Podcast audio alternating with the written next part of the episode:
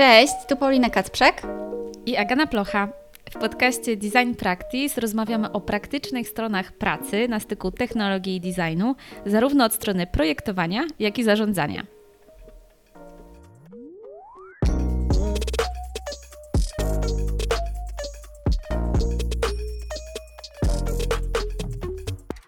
W tym odcinku rozmawiamy o tym, czym jest strategia i jaką ma rolę w procesie projektowym, o metodach na bardziej efektywną współpracę z klientem, o komunikacji na osi strateg-designer i o drodze do zostania strategiem, strateżką. A naszą dzisiejszą gościnią jest e, Beata Giermasińska, Head of Research and Strategy w Airnauts. Beatę poznałyśmy na jednej z konferencji na uczelni i bardzo zaintrygowała nas jej droga od studiowania scenografii w Edynburgu po studia na Parsons w Nowym Jorku, aż do pracy w obszarze strategii w Polsce, w Warszawie. Cześć Beata. Cześć Beata. Cześć Aga, cześć Paulina. Bardzo się cieszymy, że odwiedzasz nas w naszym podcaście i zawsze zaczynamy pytaniem, jaką książkę ostatnio przeczytałaś? O Jezu, to jest trudne pytanie, wbrew pozorom, dlatego że ja jestem symultanicznym y, czytaczem różnej literatury w różnych formach, więc y, od audiobooków, może zaczynając, y, Elizabeth Strout ostatnio mi jakoś bardzo przy, przypadła. A z czytanych rzeczy to ostatnio skończyłam Strangers to Ourselves. To jest y, amerykańska pisarka Rachel Aviv. I mm, ona napisała książkę o kulturowym wymiarze chorób psychicznych i w ogóle jak to, w jaki sposób ludzie postrzegają daną chorobę kształtuje nasze zachowanie i nas, czyli trochę o behawiorystyce i trochę o zdrowiu, gdzieś pomiędzy.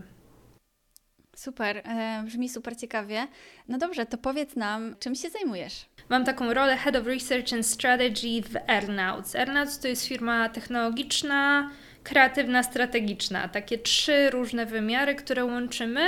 Ja prowadzę dział strategii i zajmuję się wszystkim, e, co związane z pytaniem po co. Po co klienci coś robią, dlaczego e, ich klienci coś chcą i jak dostosować to, co robimy, jeżeli chodzi o technologię, jeżeli chodzi o design, do tego, co jest potrzebne i co jest wartościowe. Strategia, powiedziałaś, użyłaś tego słowa strategia i to jest takie dosyć szerokie pojęcie, więc na pewno będziemy sobie jeszcze je w, trakcie mm, naszej rozmowy gdzieś tam definiować i skręcać pewnie w różne obszary, ale też jesteśmy mega ciekawe, jak to się stało w ogóle, że, że dotarłaś do tego miejsca i że akurat zajmujesz się e, tym odpowiadaniem na pytanie po co, dlaczego i, i e, tym, że tak ściśle współpracujesz z klientami. Jakbyś opowiedziała trochę o Twojej drodze zawodowej. Jasne, więc y, już kiedyś rozmawiałam rozmawiałam e, na ten temat z Wami, że moja droga jest taka trochę zawiła i kręta i mało standardowa, ale mam nadzieję, że przez to też ciekawa. Dla mnie była ciekawa przynajmniej. E, więc zaczęło się w ogóle od designu i moim pierwszym kierunkiem nieukończonym zresztą była mm, scenografia i kostiumologia. I, no to jest hit. E, I to były studia, które były bardzo manualne, a ja tej roboty manualnej bardzo nie lubię, jak się okazało. Natomiast e, to, co kocham, e, kochałam i kocham dalej w tej tematyce, to jest po prostu analiza tekstu, to jest czytanie, to jest tworzenie jakiejś historii interpretowanie jej, przekładanie jej w jakiś sposób taki wizualny, i e, z tego wynikło potem jakieś takie przekierowanie się na wnętrza, e, które też są o tworzeniu doświadczenia w pewnym sensie dla ludzi w sposób taki fizyczny, przestrzenny.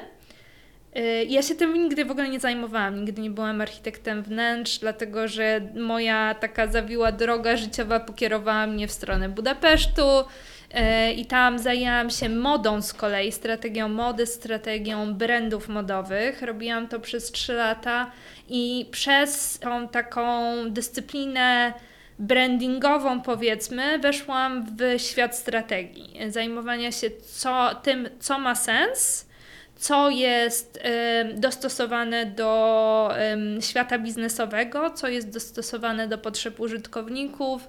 Robiliśmy takie rzeczy jak analizy trendów, analizy konkurencji, e, strategię marki i zaczęłam się tym interesować. Gdzieś zaczęło mi wpadać takie, takie pojęcie jak design thinking, service design, projektowanie doświadczeń. I ciągnąc za ten sznurek, powiedzmy, zaczęłam myśleć o następnych studiach, więc skończyłam licencjat, miałam licencjat z wnętrz, ale się tym nie zajmowałam.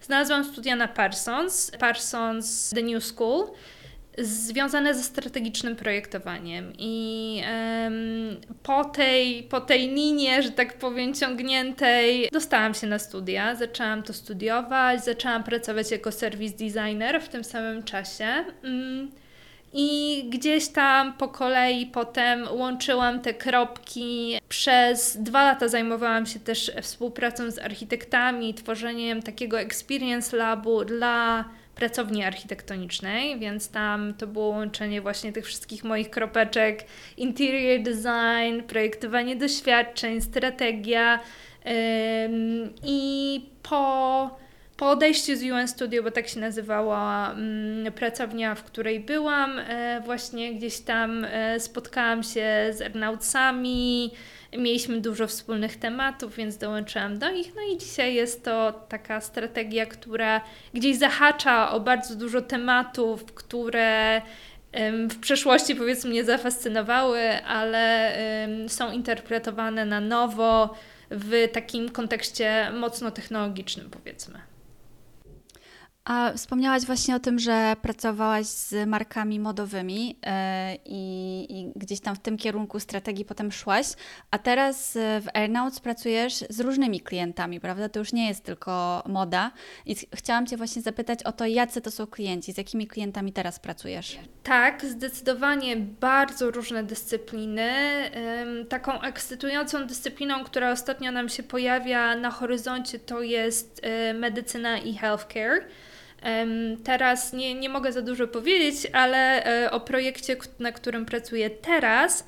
Natomiast jest to duża firma medyczna projektująca komponenty dla urządzeń medycznych. I to są właściwie, to jest kilka marek, które się połączyło. My robimy dla nich strategię i projektowanie po to, żeby właśnie wyjść z tą nową jedną marką e, na świat. E, więc bardzo ciekawy temat. Mieliśmy ostatnio bardzo fajny temat e, związany z przyszłością, powiedzmy, workspace, takiego HR-u, e, rekrutacji w odniesieniu do Web3 i mm, społeczności i takich struktur, które są niekorporacyjne, niescentralizowane. E, co jeszcze? Co jeszcze? Mamy takie tematy storytellingowe na przykład e, z zeszłego roku, gdzie zajmowaliśmy się tworzeniem strony edukacyjnej, która opowiadała historię jednego człowieka, ale przez pryzmat jego wpływu na świat i jego wartości, więc e, super ciekawy temat. Więc bardzo różne rzeczy. Generalnie jest tego, jest tego dużo i wszystko jest mega ciekawe. Do Twojej pracy takiej codziennej sobie jeszcze przejdziemy, ale chciałabym jeszcze wrócić na chwilę do Twojej edukacji. E, może wspomnę, bo opowiadałaś nam o tym wcześniej, że studiowałaś w Edynburgu, e, więc już Ty miałaś e, jedno, jedną lokalizację zagraniczną odhaczoną. A z kolei jakbyś mogła opowiedzieć więcej o Parsons, co to jest za szkoła, dla osób, które jeszcze o niej nie słyszały, no i w ogóle jakbyś trochę opowiedziała, jak te studia wyglądały, co Ci się w nich nie podobało, co może mniej, więc zdradź nam tutaj Jasne. Y, Parsons to jest szkoła designu w Nowym Jorku, designu i sztuki tak naprawdę, która w swoim założeniu ma takie bardzo kreacyjne podejście, powiedzmy, do tego, jak, jaki powinna mieć wpływ na świat. Ma bardzo ambitną wizję związaną ze środowiskiem, na przykład sustainability, te wszystkie tematy. I e, oni oferują taki program Strategic Design and Management, czyli po prostu strategiczne projektowanie, zarządzanie designem. Ja skończyłam te studia w takim trybie hybrydowym. To oznaczało, że co semestr musiałam jechać e, do Nowego Jorku, posiedzieć tam na uczelni trochę, a resztę zajęć miałam online. Dzisiaj to jest już jakby standard, powiedziałabym, że chyba większość studiów tak wygląda. Jak ja zaczęłam 4 lub 5 lat temu, kurczę, e, szczerze mówiąc, to chyba 4. E, to, to jeszcze było takie bardzo nowatorskie. E, ciekawe i bardzo fajne w tym programie było to, że w trybie hybrydowym oczywiście oni mogli wziąć studentów z całego świata, więc miałam taki bardzo zróżnicowany, zróżnicowaną grupę ludzi od południowej Afryki po Hongkong, Włochy, Polskę, Stany Zjednoczone, Chile, Indie, naprawdę cały przekrój. E, studia były w dość małej grupie. Na roku, e, z tego co pamiętam, to było około 25 osób i wszystkie projekty, praktycznie wszystkie, albo większość, które robiliśmy, były w grupie, więc to były jakieś takie tematy E, zadawane nam na podstawie różnych frameworków, na podstawie różnych nowych sposobów patrzenia na design, no i w praktyce, w jakimś kontekście, w jakimś zadaniu musieliśmy coś wymyślić, stworzyć jakiś proces, e, jakiś pomysł, jakąś strategię. Także dużo pracy zespołowej w takim modelu hybrydowym bardzo dużo aplikacji tego i bardzo dużo w ogóle myślenia o tym, jak design zmienia świat i jaki on ma wpływ, co, jaką ma rolę, co ma robić, czego ma nie robić i o roli designera, więc powiedziałabym, że dużo, dużo dywagacji czy rozmów na wysokim poziomie, ale też dużo praktyki. I ja szczerze mówiąc, e, jestem zachwycona tymi studiami. Uważam, że to jest naprawdę świetny kierunek i bardzo fajna organizacja też tego kierunku. A czy pod takim kątem praktycznym, e, czy te studia miały przełożenie w praktycznej pracy Twojej, e, czy raczej były to takie właśnie rozważania i projekty, które gdzieś tam przeszły i później musiałaś w swojej pracy gdzieś tam wyrobić sobie ten proces?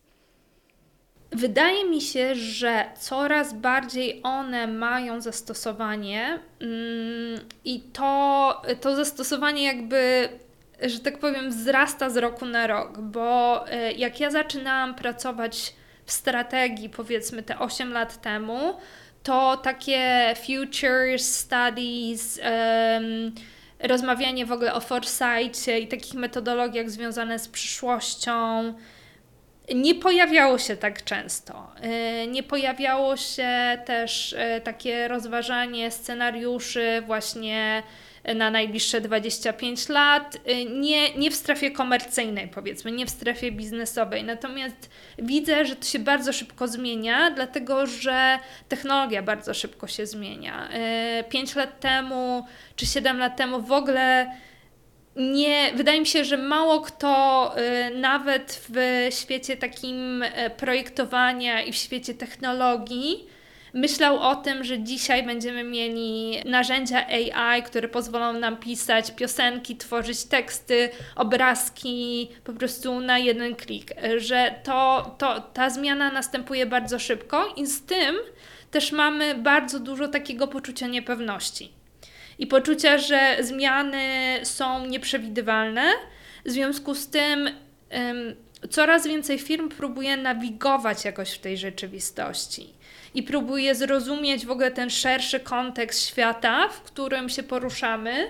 Ten świat jest coraz bardziej skomplikowany, globalizacja oczywiście jest takim kierunkiem, o którym wszyscy, wiemy, mm, ale to, że powiedzmy, dając taki mm, przykład blisko nas, że wojna na Ukrainie spowodowała to, że jest kryzys kosztów życia na całym świecie, to jest coś, co pokazuje bardzo namacalnie, że po prostu świat jest skomplikowany, połączony i nieprzewidywalny. I firmy to czują. W związku z tym coraz częściej przychodzą po takie, z takimi problemami, nie wiemy jak wygląda przyszłość, albo chcielibyśmy. Yy, lepiej się w niej odnajdywać, e, dostosować się do tego, albo e, zrobić coś, co jest sensowne, ale też tak długofalowo sensowne, co pozwoli nam istnieć na tym rynku, który jest e, przejmowany powiedzmy przez narzędzia AI w przeciągu 5-10 lat. No właśnie, wspomniałaś o tych klientach, którzy do Was przychodzą i gdzieś tam są zagubieni to jakbyśmy teraz e, mogli przenieść się trochę e, z, z Parsons już do, do Twojej obecnej, obecnego miejsca pracy, do Airnautsów. Jak to wygląda, właśnie taki cały proces Twój projektowy? Jak w ogóle wygląda e, Twój dzień pracy? Przychodzi klient, czegoś od Ciebie chce i co, co, co się dzieje dalej?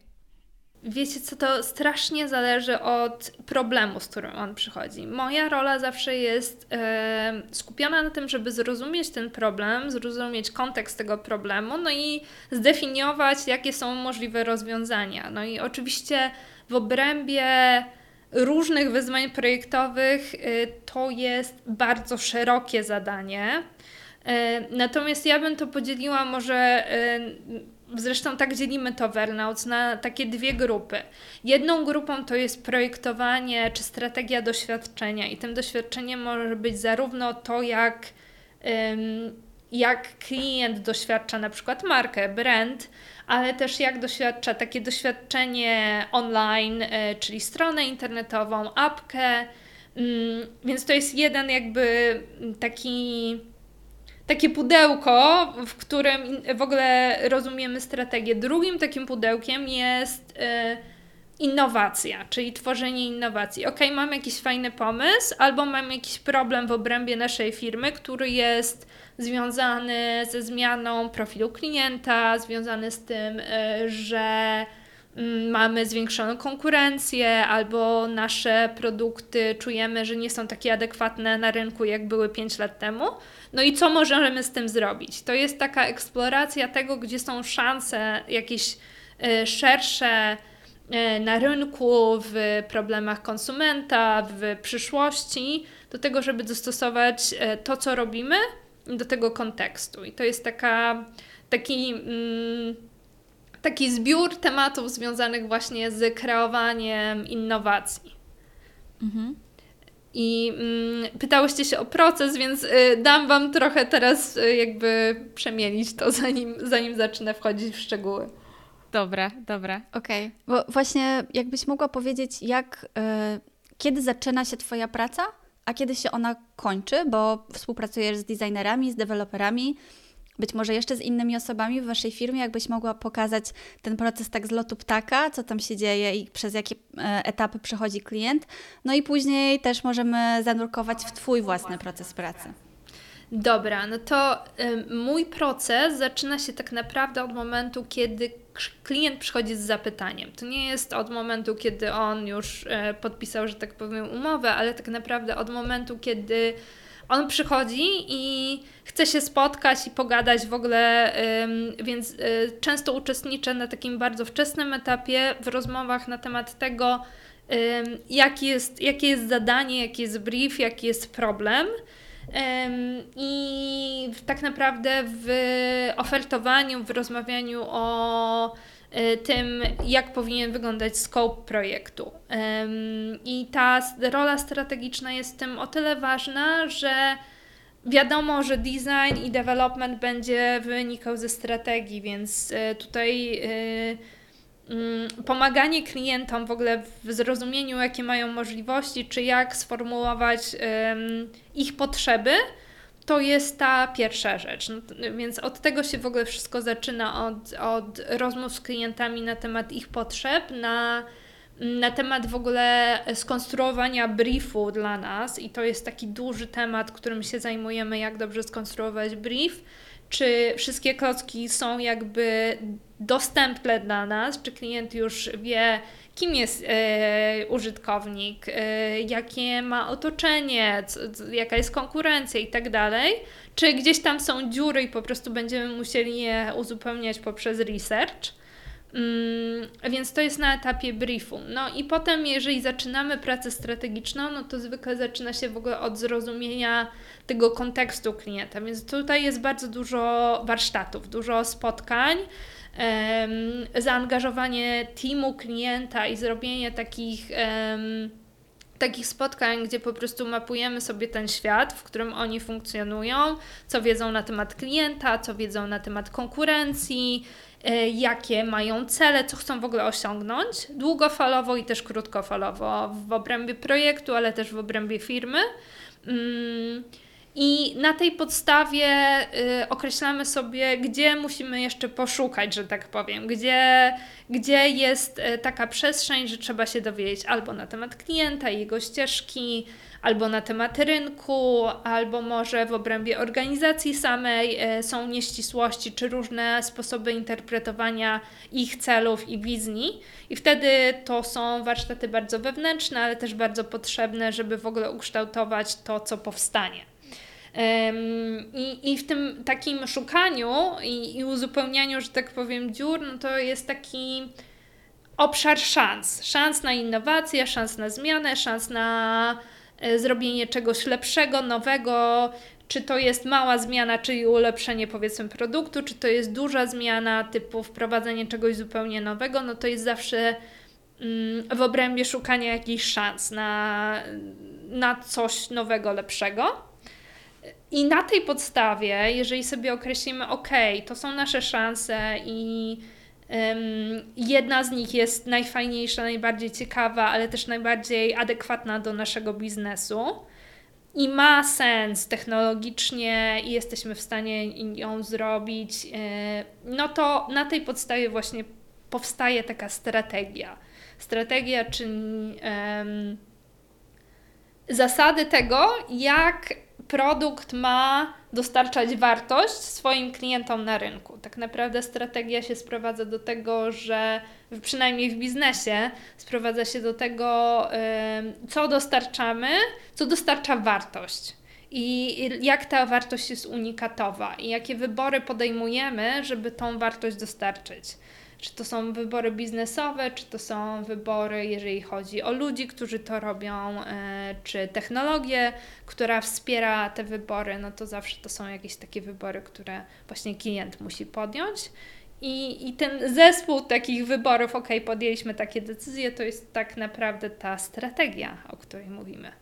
Mhm. A w jakiej formie ona trafia do klientów? Sobie rozmawiałyśmy wcześniej, jeszcze przed nagraniem, e, a propos e, przepastności różnych strategii. To, to jak e, Twoim zdaniem, Beata, powinny wyglądać właśnie takie strategie i czym one są? Czy to jest jakiś dokument, czy to jest jakieś właśnie, może jeszcze coś innego? Hmm. E ja myślę, że najważniejszym takim, taką cechą dobrej strategii jest jej zjadliwość, że tak powiem, i e, możliwość przetrawienia jej przez różne osoby, nie tylko przez osoby decyzyjne czy na jakimś wysokim poziomie e, e, czy stanowisku w firmie, z którą współpracujemy, ale przez osoby, które przede wszystkim będą wdrażały tą strategię, no bo e, strategia nigdy nie jest wdrażana przez jedną osobę, jest wdrażana przez cały zespół. I jeżeli ten zespół rozumie, do jakiego celu dąży i co chcą osiągnąć jako firma ym, i jakimi zasobami, ym, to, to to jest dobra strategia. I to nie, nie musi być długi dokument. Ja bym powiedziała, że nawet im krótszy, tym lepszy, jeżeli jesteśmy w stanie. Ym, skrócić strategię, czy ją dostosować jakby do formatu one-pagera, no to super. Jeżeli coś jest proste i wyjaśnia jakby celowość i sposób działania na jednej stronie, no to to jest taki dokument, który po prostu ułatwia potem pracę, dystrybuowanie go, rozsyłanie w, w obrębie organizacji, tłumaczenie innym ludziom, pokazywanie. Więc, ym, więc taka ym, dostępna forma to jest coś, do czego ja przynajmniej celuję. I, i drugą rzeczą, która, która dla mnie jest ważna w strategiach, jest przełożenie tego na namacalne namacalno, namacalny format. I w przypadku produktów szczególnie tym takim namacalnym formatem mogą być na przykład storyboardy, albo to mogą być jobs to be done, to mogą być takie narzędzia, które pomagają zrozumieć, ok, to w obrębie tej strategii, co robi użytkownik i jaką wartość daje produkt, e, albo co dostarczamy, jak wygląda taka bardzo na wysokim, wysokim poziomie i bardzo uproszczonym poziomie, ale jednak ścieżka klienta, bo to pomaga potem wdrażać strategię dużo szybciej i łatwiej i, i jakby powiedzmy konsumować ją nie tylko na takim poziomie intelektualnym, ale już na bardzo takim namacalnym poziomie. I, i tutaj e, jest taki temat w ogóle storytellingu i tego, jak opowiadamy o strategii, bo to jest wszystko mm, bardzo ważne i jak o niej mówimy, i jaki ona ma kontekst, i jaki ma kontekst też ludzki. E, jak ludzie, że tak powiem, odnoszą się do tej, tej strategii. Czy to jest we, wewnątrz organizacji, czy to jest wasz użytkownik jako firmy, no to ten człowiek, który po prostu dostaje jakąś wartość, ta wartość musi być opisana w taki sposób, że ym, osoba produktowa czy osoba od sprzedaży po prostu rozumie, jak to wziąć i wdrożyć. A rozumiem, że y, strategia jest taką pierwszą rzeczą, którą robicie z klientem i później pewnie dzieją się jakieś kolejne procesy, właśnie na przykład wdrażacie jakiś design, zmieniacie coś technologicznie i czy Ty y, jeszcze uczestniczysz dalej w tych procesach, czy to już przejmuje y, dalej zespół designerów i deweloperów? Ten proces mojego wejścia i wyjścia z projektów jest taki dosyć płynny, czyli to nie jest tak, że ja przekazuję dokument i potem wychodzę z projektu. Zazwyczaj wygląda to tak, że tak, przekazuję dokument, jest taki moment wdrożenia w strategię wszystkich, którzy potem będą projektować ale y, w obrębie takich statusów, spotkań, jakichś warsztatów designerskich, powiedzmy, czy związanych z designem, ważne jest bardzo, żeby ta perspektywa strategii była obecna. E, zresztą to działa w dwie strony. Ważne jest, żeby designerzy czy osoby technologiczne były w tym procesie strategicznym, w jakichś określonych punktach, kiedy decydujemy właśnie, co jest wykonalne albo co jest właściwą ścieżką. I tak samo y, w momencie, kiedy decydujemy, jak powinien wyglądać design, czy y, na czym, na czym się skupić, no to ja jestem obecna, żeby po prostu dawać tą perspektywę strategii, co, co jest potrzebne z punktu widzenia klienta, co jest potrzebne z punktu widzenia użytkownika, co ma sens. Mhm. A wracając do właśnie tej współpracy na linii strateg, strateżka, designer, e, designerka, to co, czy jest jakaś taka konkretna rzecz, którą designerzy, o której designerzy powinni wiedzieć w kontekście strategii, która też ułatwiłaby im może jakiś sposób myślenia na temat projektowania? Bo podejrzewam, że Mm, mogłaś mieć już różne sytuacje takie zawodowe, że strategia mówiła jedno, ale design trochę mógł od tego odchodzić i trzeba na przykład było czasem gdzieś e, to wszystko zbierać, e, więc jakbyś miała taki e, idealny zespół, to czego byś chciała, żeby te osoby właśnie, o czym pamiętały te osoby projektując? Ja myślę, że takim, taką podstawą w ogóle UX-ową jest dostępność, tak? I dostępność nie tylko dla danego użytkownika, czy, czy jakiegoś takiego target, user group, y, tylko w ogóle y, dostępność i prostota, y, czy łatwość używania danego rozwiązania. Więc to jest, jeżeli mamy tą perspektywę, czy designerzy mają tą perspektywę, to zawsze łatwiej, że tak powiem, to idzie, bo jeżeli ktoś już zwraca uwagę w ogóle na tematy związane z usability, no to potem łatwiej jest powiedzieć, ok, ale usability w obrębie tej danej grupy, która potrzebuje te rzeczy konkretne. I to, co mi zawsze pomaga i to, co jest bardzo ważne, to jest właśnie takie określenie sobie kilku prostych celów dla projektu. One nie muszą być skomplikowane, one nie muszą być długie, ale jeżeli mamy takich 5 do 10 rzeczy, które musimy wypełnić w projekcie, i sprawdzanie, robienie takiego checkpointa e, na poziomie designu, ok, czy to wypełnia te cele, czy jeżeli mówimy o tym, że coś zaprojektowaliśmy i to ma iść na cały świat, to czy rzeczywiście jest dostępne, czy, czy na podstawie naszej wiedzy i wiedzy klienta możemy stwierdzić, że to, co zaprojektowaliśmy, będzie zrozumiałe ym, dla różnych geografii czy dla różnych krajów. I, i y, to jest moja rola, właśnie robienie takich checkpointów i sprawdzanie tego.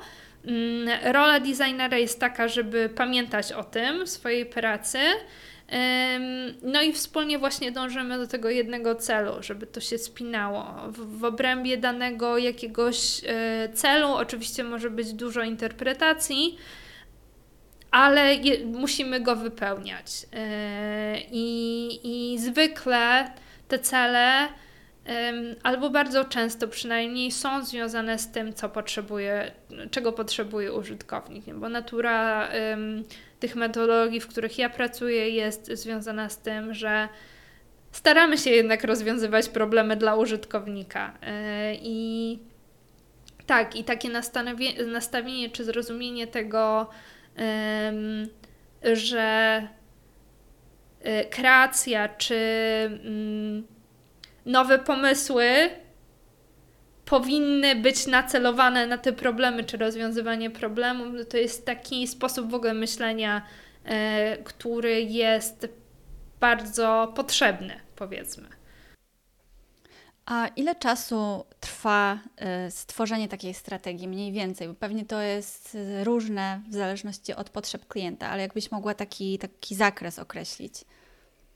Zakres różni się bardzo od tego, jak dana firma pracuje, powiedziałabym, bo ja pracowałam w czterech rolach strategicznych dotychczas i te strategie były bardzo różnie tworzone od takich procesów, gdzie badania były powiedzmy trwały 3 miesiące czy 4 miesiące, gdzie tylko robiliśmy badania z użytkownikami, rozmowy, analizowaliśmy potrzeby i dopiero potem powstawała strategia.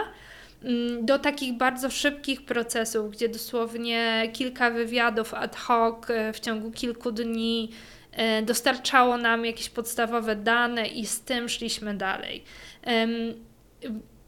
Ja bym powiedziała, że to bardzo, bardzo zależy i że nie ma takiego sposobu, nie, nie powiedziałabym, że sposób pracy czy, czy czas w ogóle um, może być zawężony do jakiegoś takiego jednego time frame'u, ale um, dla mnie taki czas zwykły dla strategii, szczególnie pracując z Airnauts, y, jest między 3 powiedzmy do 6 tygodni. I zwykle w tym czasie jesteśmy w stanie przeprowadzić warsztaty, zrozumieć klienta i doprowadzić do takiego momentu, że rozumiemy ścieżkę na tyle, żeby na jej podstawie pro, projektować i, i, i być może jeszcze testować, ale na późniejszych etapach. Nie, nie, nie chcemy tworzyć jakichś bardzo długich procesów, bo przynajmniej z mojego doświadczenia jest tak niestety, albo stety, że bardzo duża ilość danych nie jest. nie ma jakby narzędzi u większości klientów yy, i w większości procesów, żeby je przetworzyć. Więc yy, jeżeli jesteśmy w stanie stworzyć taki, taką strategię, czy, czy w ogóle tak poprowadzić ten proces strategiczny, że informacje, mamy wystarczająco dużo informacji, żeby iść dalej, ale nie tworzymy ich yy, nie wiadomo ile i bardzo szczegółowo. Jeżeli nie mamy jakiegoś takiego bardzo określonego powodu, no to to można zrobić taką, taki proces właśnie yy, między 3, 6, ewentualnie jak jest taki duży problem, jest dużo użytkowników albo bardzo dużo grup, no to powiedzmy 9 tygodni to już jest taki maks. Mhm.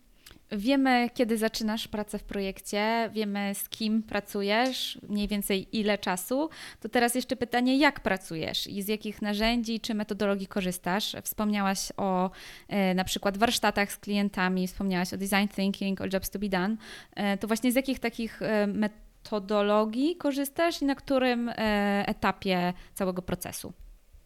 Mój proces jest trochę remixem takich strategicznych, biznesowych narzędzi typu e, Business Model Canvas albo mm, Cascade of Choices e, mm, Martina z bardziej powiedzmy takimi UX-owymi narzędziami typu persony, typu ścieżki klienta i to dalej bardzo zależy od um, projektu. Na pewno na każdym etapie strategicznym zawsze jest współpraca z klientem, taka warsztatowa współpraca, bo Mm, dojście do wspólnych wniosków, czy pomaganie w ogóle klientowi w podejmowaniu jakichś wyborów, czy pójść w taką stronę, czy w inną, czy to ma sens, czy e, jakby z których szans możemy skorzystać i jak je wykorzystać w, w konkretnym biznesie, to jest tak naprawdę najważniejsze.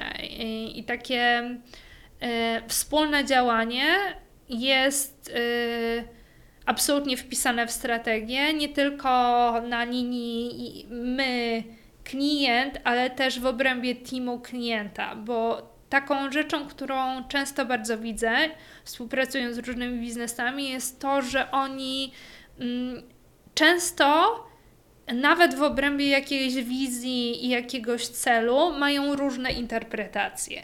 Naszą rolą jest dojście do wspólnego, jednego opracowanego, mm, jednej opracowanej drogi na to, dokąd iść i jak ma to wyglądać. I tego się nie da zrobić, y, mając jedną osobę decyzyjną, bo zwykle mm, wdrażanie, wdrożenie tego właśnie wymaga całego teamu i jakiegoś zespołu ludzi, którzy muszą po prostu wspólnie podjąć tą decyzję, którzy razem muszą zdecydować, którzy ra razem muszą widzieć, jak ta droga będzie wyglądać i się na nią zgadzać.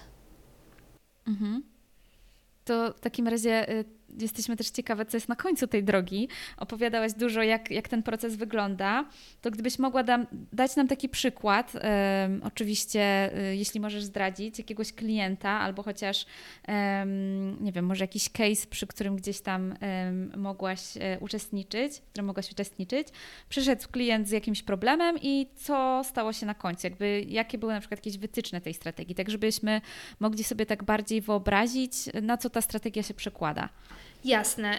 Y, skończyliśmy ostatnio bardzo fajny projekt związany z Web3. To jest y, pierwsza europejska platforma do zatrudniania tak naprawdę specjalistów IT, ale na freelance do projektów przez duże firmy która jest oparta na blockchainie, czyli w ten, działa w ten sposób, że za aktywność, za uczestniczenie w projektach, za y, byciem aktywnym członkiem społeczności, ci specjaliści IT dostają po prostu tokeny ta tokenomia działa w ten sposób, że specjaliści mogą też podejmować decyzje na temat tego, jak platforma będzie się rozwijała. Czyli to jest taki projekt, w którym społeczność ma bardzo duże znaczenie i, e, i taką siłę decyzyjną na temat tego, jak będzie się rozwijał, powiedzmy, będzie się rozwijała firma, dla której oni pracują. Więc model Web3 i jest to model dość skomplikowany, e, jeżeli chodzi o technologię, e, jeżeli chodzi o to, jak e, wdrożyć takie systemy. Mm, I nasz klient przyszedł z takim problemem, że Chcą, e, chcą jak najszybciej oczywiście wypuścić to rozwiązanie, natomiast jest dużo małych problemów i brakuje im takiej ścieżki dojścia do, do wylączowania tego produktu.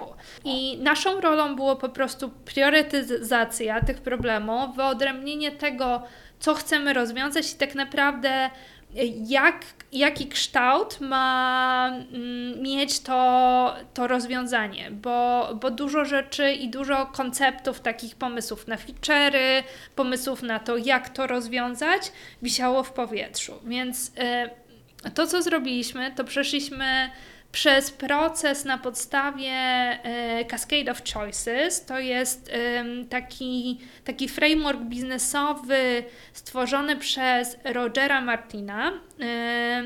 I wspólnie z klientem, z jego teamem, e, zastanawialiśmy się tak naprawdę, e, jak ma wyglądać projekt czy, czy usługa, na, jakie, na jakich geografiach się skupiamy, na jakich typach specjalistów, jakimi kanałami, jakie kanały są dla nas e, najważniejsze i jak wyróżniamy się na tle konkurencji, bo jest bardzo dużo firm, które już zajmują się takim e, gig economy od Upworków poprzez firmy outsourcingowe, poprzez bardzo wyspecjalizowane agencje rekrutacyjne. I żeby wyjść z czymś na rynek, to musimy mieć taką pełną świadomość tego, jaką wartość e, dostarczamy i jak ona jest po prostu unikatowa. Co jest takiego, co, czego nikt inny nie ma. I tutaj ta społeczność była takim punktem zawieszenia, ale trzeba było ją po prostu jakby sformatować, zrozumieć też, jaką e, wartość ma społeczność nie tylko dla specjalistów, ale też dla klientów biznesowych. Więc to jest takie taki proces, który polega trochę na logice tego e, i takim testowaniu w ogóle mm, ciągu przyczynowo-skutkowego w pewnym sensie, po to, żeby to wszystko było logiczne i spinało się nie tylko właśnie dla jednej strony, ale też dla drugiego typu klienta. Więc e, taki proces, który robiliśmy, trwał około 8 tygodni od momentu zaczęcia do momentu stworzenia strategii. No i na podstawie tego procesu właśnie wyodrębi się, ok, taką wartość dostarczamy dla klientów, przez y, tak wyglądają nasze kanały, to jest geografia, na której się skupiamy, to jest wartość, to są wartości, które dostarczamy. tak naprawdę to był jednostronicowy dokument. Oczywiście mieliśmy raport, który był dłuższy, ale sama strategia była dość prostym dokumentem, który zdefiniował nam potem, jak będziemy projektować. Czyli robiliśmy też design do tego i development, powstała strona internetowa, ale my jakby jako Airnauts monitorowaliśmy proces od początku do końca. A czy ty uczestniczysz w jakiś sposób w sprzedaży strategii? To znaczy, czy to jest tak, że klienci są na tyle świadomi, że przychodzą do Was i mówią Wam od razu, że chcemy strategię, E, i później zobaczymy? Czy raczej jest tak, że przychodzą do Was na przykład po design i development, a Wy jeszcze mówicie stop, stop, może tutaj przyda się strategia i jak wygląda ten proces właśnie takiego e, właśnie sprzedaży strategii i współpracy z klientem? Zdecydowanie w strategii bardzo dużą rolą, moją przynajmniej, jest e, edukacja i rozmowa z klientem, bo często jest tak, że klienci przychodzą po design, przychodzą e, po design, dlatego że jest to taki temat, który oni już rozumieją. Okay, e, słyszeli o UX-ie, to jest taka dyscyplina, która ma na tyle dużą świadomość, powiedzmy, w świecie biznesowym, że rozumieją, że potrzebują stronę internetową. Ale na etapie właśnie tworzenia briefu bardzo często się okazuje, że mają pomysł albo chcą zrobić redesign. Ale nie do końca wiedzą, dla kogo to jest, albo dlaczego, albo e, co chcą zmienić, co działa dobrze, a co nie działa dobrze. I wtedy moja rola jest taka, żeby przeprowadzić te rozmowy, żeby zrozumieć tak naprawdę, w czym jest problem i jak poprowadzić ten proces, żeby on pomagał wyjść z rozwiązaniem, które jest sensowne, które ma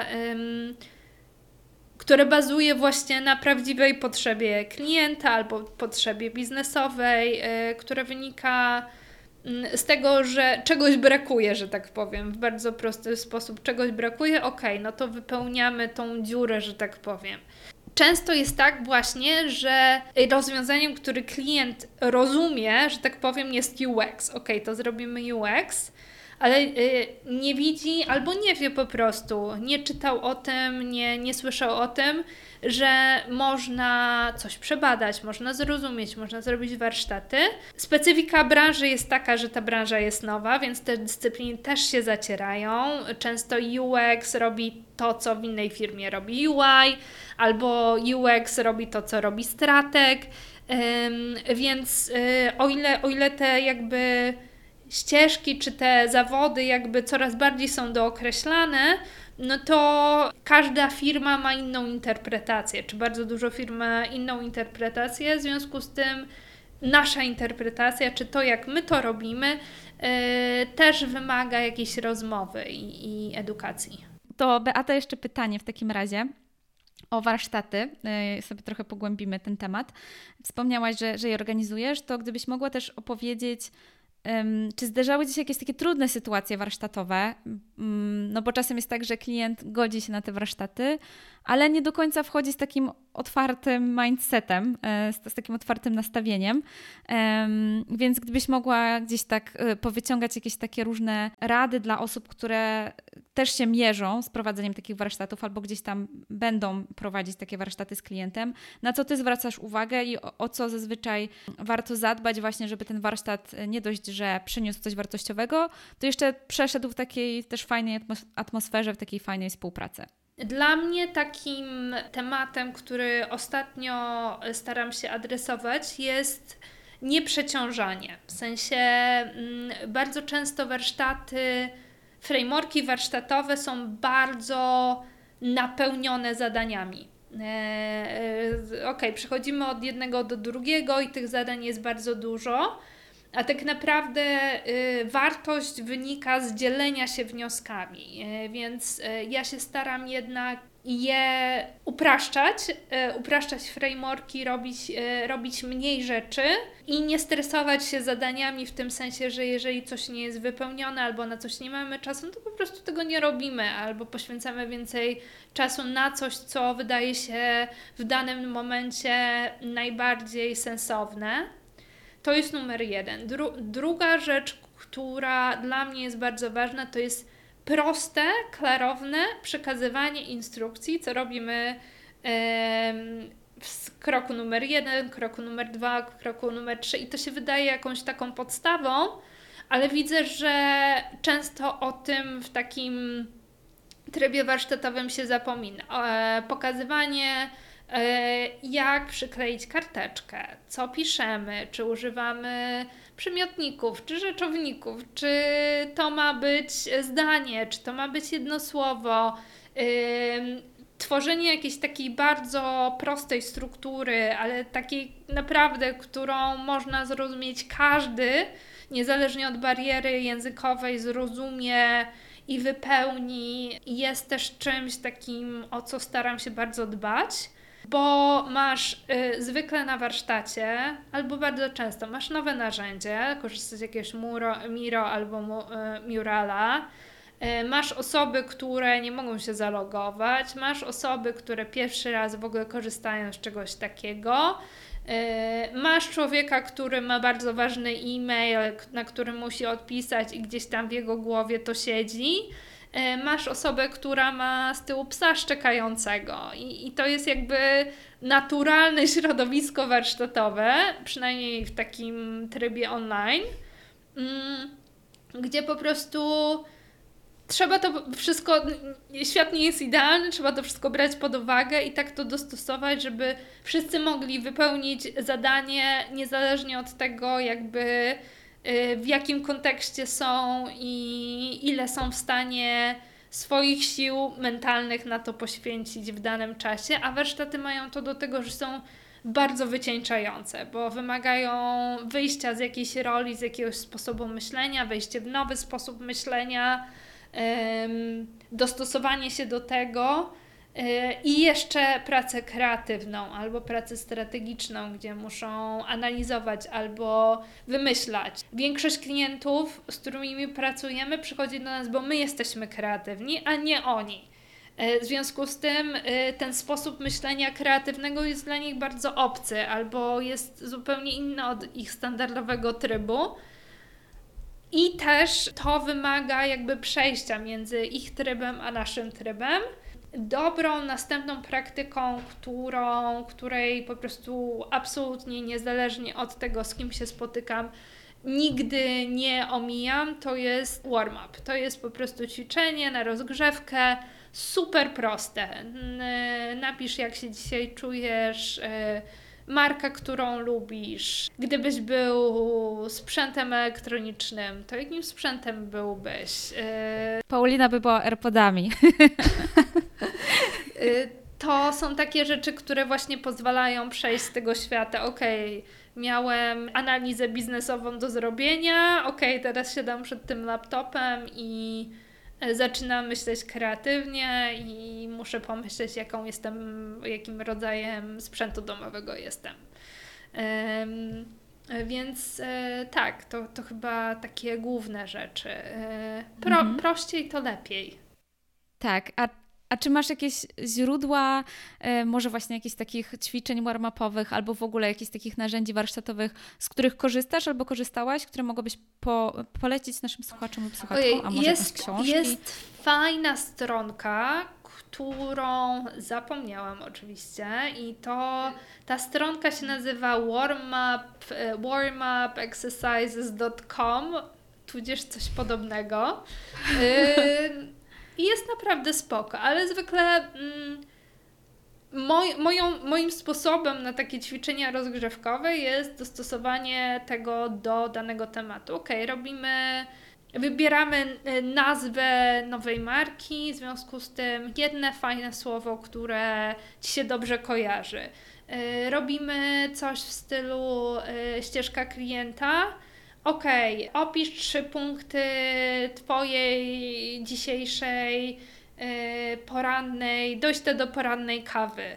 Yy, I co Cię denerwowało w tej, albo co było nie, fajnego, albo niefajnego. To, żeby na, nakierować po prostu jakieś myślenie na ten tor, w którym Ty będziesz funkcjonować. Yy, jeżeli mówimy o wybraniu najfajniejszych feature'ów, no to okej, okay, fajna rzecz, którą zrobiłeś, która dała Ci jakąś przyjemność albo była y, pozytywna na Twoim telefonie dzisiaj, na jakiej to było apce i dlaczego, masz na to 5 minut, więc y, to zawsze jest jakby, albo często jest to jakieś takie moje podejście i, i dostosowanie właśnie do tego, o czym chcę mówić z danymi ludźmi i właśnie kierowanie ich w tą stronę poprzez takie proste ćwiczenia.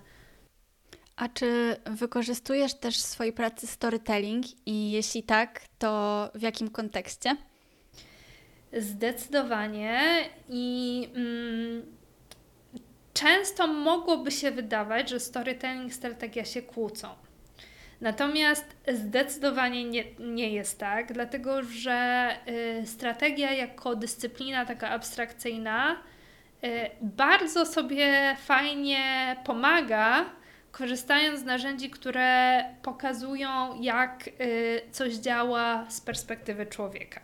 W strategii, niezależnie od tego, czy robimy scenariusze rozwoju firmy, tak, czyli ok, mamy daną organizację, mamy jakiś problem i zastanawiamy się, jak e, możemy rozwinąć dany produkt, e, dany biznes, daną usługę na przyszłość. Takim częstym narzędziem, który się używa, to jest scenario planning, czyli po prostu planowanie scenariuszy. E, I fajnie jest tutaj korzystać z takich narzędzi, które opowiadają właśnie od perspektywy człowieka, czyli co co się stało w życiu danej osoby, albo jak to wyglądało, albo jaki jest kontekst i tworzyć jakieś historie, bo historie są czymś, y, z czego nas, nasz mózg bardzo fajnie sobie korzysta y, w momencie, kiedy procesujemy trudne informacje. Więc jest to taki naturalny sposób dla nas myślenia, jako w ogóle gatunku ludzkiego. Więc też w każdej takiej pracy, w której mierzymy się z abstrakcyjnymi tematami, a tematy rozwoju, tematy wdrażania feature'ów, e, tworzenia nowych produktów, no to są e, do momentu, kiedy wejdzie design, są to tematy abstrakcyjne, więc opowiadanie historii, mm, czy mówienie o tym, jakie są szanse na rozwój z perspektywy takiej właśnie danej historii, czy opisywanie w ogóle strategii, badanie jej, bo strategie też e, niekoniecznie e, są jakby takim narzędziem, które się po prostu produkuje i zostawia, tylko raczej są takimi hipotezami, które też można testować, z którymi można pójść do wewnętrznych działów, ale też klientów powiedzieć, ok, czy taki produkt byłby dla Ciebie fajny, albo czy, co, czy Ci się podoba, czy byłby dla Ciebie atrakcyjny? I tak dalej. Więc takie rzeczy fajnie jest rozrysować w postaci jakiejś takiej prostej historii, właśnie z punktu widzenia użytkownika. W ten sposób właśnie e, ją przekazywać, w sposób e, takiej historii. To jest jakby takie, taki sposób narracyjny jest coś, co jak sobie myślę w ogóle skąd y, ja się wzięłam w tej strategii i jaka jest moja ścieżka i o scenografii i kostiumologii, to, to teraz mi się to zaczyna w ogóle kleić. Widzę te takie właśnie mm, linie, które gdzieś tam ciągnę od początku, jak zaczęłam edukację wyższą. Mm, ja do tego po prostu wracam i, i próbuję wykorzystywać te narzędzia. Więc to jest, to jest na poziomie jakby takim projektowania innowacji, ale jeżeli mówimy o projektowaniu doświadczeń, no to to jest też cały wielki, fajny temat, e, który ja uwielbiam. E, jak e, mówimy o wartościach, które wszyscy czujemy jako ludzie, takie, które są niezależne od e, stylu życia czy sposobu korzystania z technologii. Są takie podstawowe rzeczy, poczucie przynależności, poczucie szczęścia, spokoju, jakiegoś takiego bezpieczeństwa, o których możemy opowiadać i do których możemy się odnosić projektując daną usługę. I jeżeli e, robimy to dobrze i opowiadamy historie, które jakoś odnoszą się do tego, jacy jesteśmy jako ludzie, e, no to jest szansa, że one będą też mówić do mm, większego grona i, i będą jakoś odnosić się do takich głębszych emocji, które mamy. To Beata, powiedz nam jeszcze, jak można wdrażać ten storytelling, tak już implementować w naszej praktyce. Możemy sobie wziąć na warsztat właśnie designerów i designerki. Mm, jeśli chcemy właśnie, żeby ta nasza praca miała taki wydźwięk storytellingowy, to jakich technik się warto uczyć albo w jakie źródła warto zaglądać, żeby gdzieś ten, ten storytelling towarzyszył nam w pracy? Mhm. Dla mnie takim najważniejszym, podstawowym bardzo narzędziem jest łuk narracyjny. I to jest. To jest forma literacka, w obrębie której buduje się historię od rozpoczęcia czy zaprezentowania w ogóle danego kontekstu, poprzez narastający jakiś konflikt czy, czy emocje, do takiego klimaksu, gdzie y, jest rozwiązanie i spadek jakby tego, tej historii y, czy emocji y, do końca. W obrębie tego sposobu jakby budowania historii naprawdę fajnie można myśleć o stronach internetowych i to, jak je budujemy, czy zaczynamy od jakiegoś takiego wielkiego boom, gdzie na początku y, właśnie są te największe emocje i potem wyjaśniamy dopiero, okej, okay, dobra, czyli mamy powiedzmy bardzo randomowy przykład konferencji, tak? Możemy zacząć od tego opowiadania, jakie emocje się tam będą działy i od takiego wielkiego boom, czy to w sposób wizualny, czy mm, poprzez tekst i potem przechodzenie do jakichś tam szczegółów. Możemy to budować w zupełnie inną stronę, tak powoli, e, gdzie wyjaśniamy, czy budujemy historię danej osoby na przykład. I dopiero potem przechodzimy do takiego e-commerce'owego e, elementu, czy kupowania biletów. Jak myślimy o emocjach i jakie w ogóle budujemy od początku do końca i gdzie jest zakończenie historii, e, i jak wyjaśniamy kontekst, no to właśnie storytelling czy ten łuk narracyjny jest takim bardzo fajnym źródłem, do którego można wracać w bardzo różnych kontekstach, myśląc właśnie o tym, gdzie, gdzie historia narasta, gdzie jest ten y, punkt kulminacyjny, gdzie jest ten moment, kiedy dzieje się ten najważniejszy, gdzie, gdzie po prostu chcemy skupić emocje użytkownika do takiego powolnego rozwiązania. I to jest po prostu bardzo, bardzo plastyczna forma, która naprawdę niezależnie od tego, czy budujemy e-commerce, czy budujemy stronę edukacyjną, yy, może jakby na, po, pomaga nawigować yy, i, budować yy, ciągłość, powiedzmy, ciągłość historii pracując z różnymi klientami i już masz sporo doświadczenia w tym, czy widzisz jakieś tendencje, które się pojawiają e, w, właśnie w budowaniu strategii na przestrzeni lat, kiedy współpracujesz z różnymi firmami? E, jakiś czas temu Dwa odcinki temu rozmawiałyśmy właśnie o trendach z Olą Kulińską w 22 odcinku e, i jesteśmy też ciekawe Twojej perspektywy. Jakie tendencje czy trendy Ty widzisz? To jest ciekawe pytanie, bo mm, generalnie jest taka tendencja, że mm, jest spora grupa biznesów, które się chwytają trendów. Przeczytały o czymś, ktoś o czymś powiedział, Web3, AI, nie wiem, service economy i gdzieś tam y, czują przez skórę, że jest gdzieś szansa i się tego chwytają. E, więc, e, więc widzę na przykład teraz, no oczywiście metaverse, oczywiście Web3, ludzie próbują, próbują z tym eksperymentować. Szukając tej szansy, tak naprawdę. Nie, nie zawsze jest to dostosowane, powiedzmy, do branży, czy typu biznesu, czy typu użytkownika, do którego chcą mówić, ale, ale jest tym jakiś taki rodzaj eksperymentowania. A jeżeli chodzi, to więc to jest y, o trendach, jakby tych szerszych trendach, a jeżeli chodzi o sam proces y, tworzenia strategii czy UX-owy, no to dużym tematem oczywiście jest przejście od takiego klientocentrycznego czy, czy y, ludzkiego aspektu do szerszego systemowego aspektu, bo jak ja zaczynałam pracować, no to bardzo e, było nastawienie powiedzmy na design thinking, myślenie o użytkowniku. Dzisiaj jest coraz więcej krytyki i bardzo słusznie, jeżeli chodzi o design thinking i w ogóle nastawienie tylko na użytkownika i jego potrzeby, bo niestety myślenie tylko o użytkowników to nie jest myślenie o całym łańcuchu dostaw zatem, o tym skąd się biorą produkty i jak wpływają na środowisko, więc y, takim w ogóle dużym tematem w obrębie tego myślenia systemowego oczywiście jest y, klimat i to, że niezależnie od tego, czy tworzymy technologie, czy tworzymy fizyczne produkty, mamy wpływ na środowisko i od tego nie uciekniemy. Brakuje jeszcze nam wiedzy i narzędzi. Myślę, że większość z nas, jako projektanci, strategzy, nie wiemy wystarczająco, żeby, żeby rzeczywiście mieć bardzo duży wpływ na to.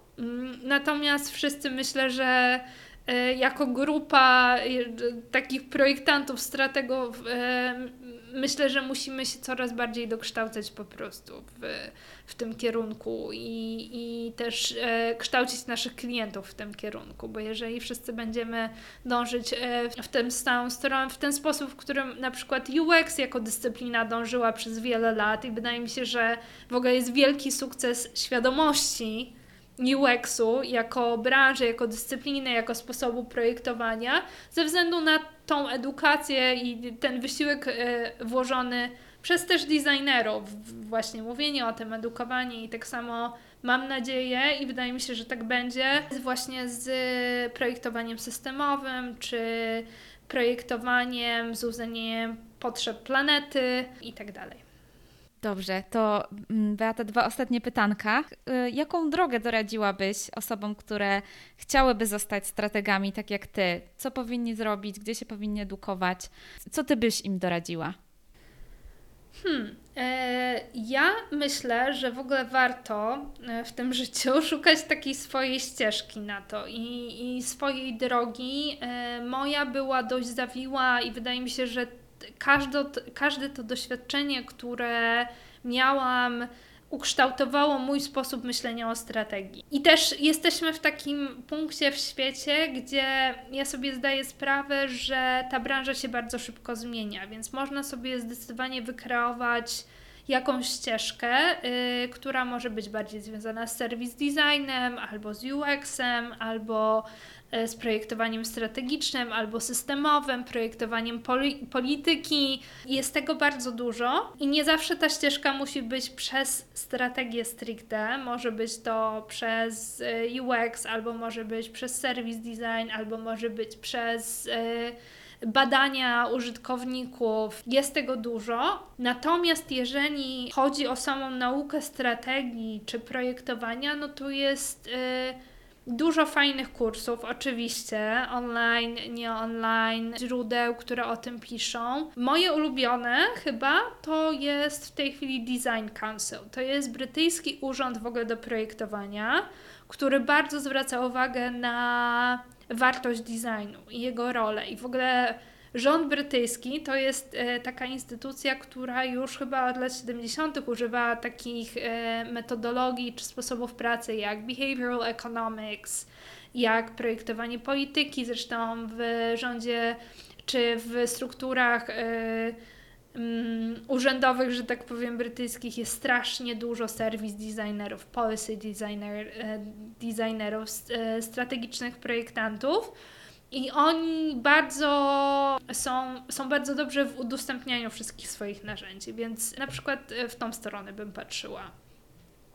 A gdyby śmiała na przykład y, doradzić komuś, kto jest w tym momencie UX designerem albo UI designerem i chce Mm, iść bardziej w stronę strategii, to czy radziłabyś właśnie zrobić taki yy, twardy zwrot i właśnie porobić jakieś kursy i szukać pracy jako strateg, czy może spróbować gdzieś tam przejść tą ścieżkę we własnej firmie jeśli tak, to w jaki, jaki sposób można to zrobić?